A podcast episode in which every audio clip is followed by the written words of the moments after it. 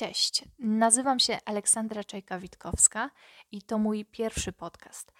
Chciałabym Ci opowiedzieć e, nieco o architekturze wnętrz, o projektowaniu wnętrz, a właściwie mm, przybliżyć Ci, czym dla mnie jest architektura wnętrz. Zapraszam.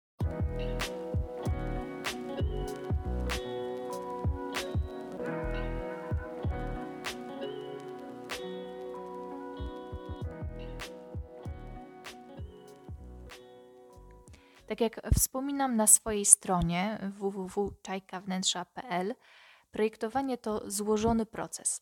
Dla mnie łączy w sobie kilka dziedzin, od psychologii przez sztukę po fizykę i technologię.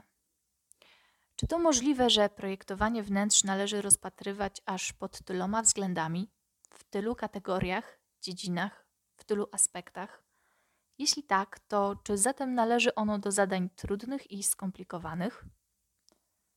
Projektowanie wnętrz jest procesem rozłożonym w czasie. Jest procesem długofalowym i zazwyczaj dzieli się na kilka etapów. W swoim trybie pracy wyróżniam dwa główne etapy, które pojawiają się w każdym projekcie i stanowią konkretną pracę związaną z przygotowaniem całej dokumentacji wykonawczej.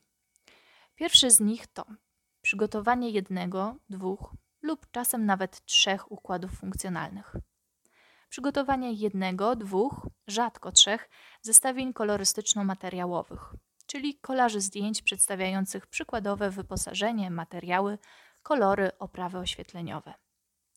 Ewentualne rysunki odręczne pokazujące konkretne rozwiązanie we wnętrzu w widoku perspektywicznym.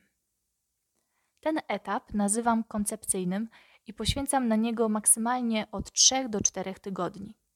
Po tym czasie mam już zaakceptowany przez inwestora układ funkcjonalny i koncepcję stylistyczną. Drugi etap obejmuje przygotowanie modelu 3D oraz wizualizacji, opracowanie dokumentacji technicznej wraz z listą wyposażenia i materiałów. Trzecim etapem jest nadzór nad pracami wykonawczymi. W zależności od rodzaju umowy, nie zawsze jest on jednak realizowany. Zanim jednak przystąpię do swojej pracy, do wykonywania wcześniej wspomnianych etapów, najpierw spotykam się z inwestorem. I tutaj pojawia się wątek psychologiczny. Nazywam go poznaniem czy nawet rozpoznaniem. Bo aby wnętrze było jak najlepiej dopasowane do przyszłych użytkowników, aby jak najlepiej odpowiadało na ich potrzeby, aby jak najlepiej w tym miejscu im się przebywało, żyło, pracowało, niezbędny jest wywiad czyli rozmowa. Nie jest to kwestia stricte projektowa, ale chyba najważniejsza z całego procesu. Potrzeby zamawiającego, ale i jego upodobania estetyczne stanowić będą bazę dla dalszych działań projektowych. Pierwsze informacje zbieram już częściowo na spotkaniu jeszcze przed podpisaniem umowy. Poznaję w pewnym stopniu charakter osoby, wstępnie dowiaduję się, jaki styl odpowiada inwestorowi. Oglądam także rzut inwestycji. Dokładniejszy wywiad przeprowadzam po podpisaniu umowy i robię to za pomocą kwestionariusza z kilkunastoma pytaniami. Zawsze proszę o dokładne odpowiedzi, ponieważ im więcej konkretów, tym dokładniej będę mogła wprowadzić odpowiednie rozwiązania do projektu wnętrza. Pierwszy etap projektowy, czyli opracowanie koncepcji, to głównie umiejętności artystyczne. Właśnie w tej części trzeba dobrać odpowiednio kolory i materiały, dopasować je do siebie tak, aby tworzyły przyjemne dla oka zestawienie. Oczywiście nie tylko aspekt wizualny jest ważny w przypadku materiałów, ale także inne właściwości, jak na przykład wytrzymałość mechaniczna, odporność na zabrudzenia, chemię, nasiąkliwość, antypoślizgowość. Umiejętność dobierania wzorów i kolorów rysunku odręcznego oraz właściwego komponowania elementów są niezbędne w zawodzie architekta wnętrz. Fizyka i technologia to dziedziny, które także pojawiają się w pracy projektanta wnętrz. Jeśli chodzi o fizykę, trzeba zawsze być świadomym i starać się przewidzieć pewne procesy, zadania, konsekwencje proponowanych rozwiązań. Na przykład, czy dana konstrukcja mebla wytrzyma obciążenie kamiennym blatem? Jak zamocować mebel do ściany, aby jego ciężar utrzymał się bez żadnego ryzyka? Czy płyty drewnopodobne sprawdzą się w miejscu narażonym na wilgoć?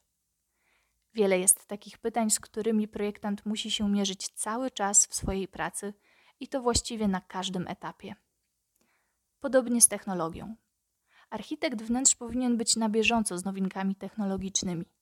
Dlatego też jest organizowane mnóstwo szkoleń, spotkań, konferencji, wykładów, webinarów, na których prezentowane są nowe materiały i rozwiązania dla wnętrz i nie tylko.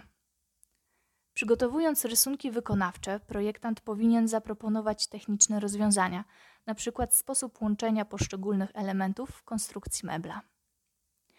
Do wcześniej wymienionych aspektów z pewnością można by dodać jeszcze ergonomię oraz normy przepisów powszechnie obowiązujących zarówno budowlanych, jak i cywilnych.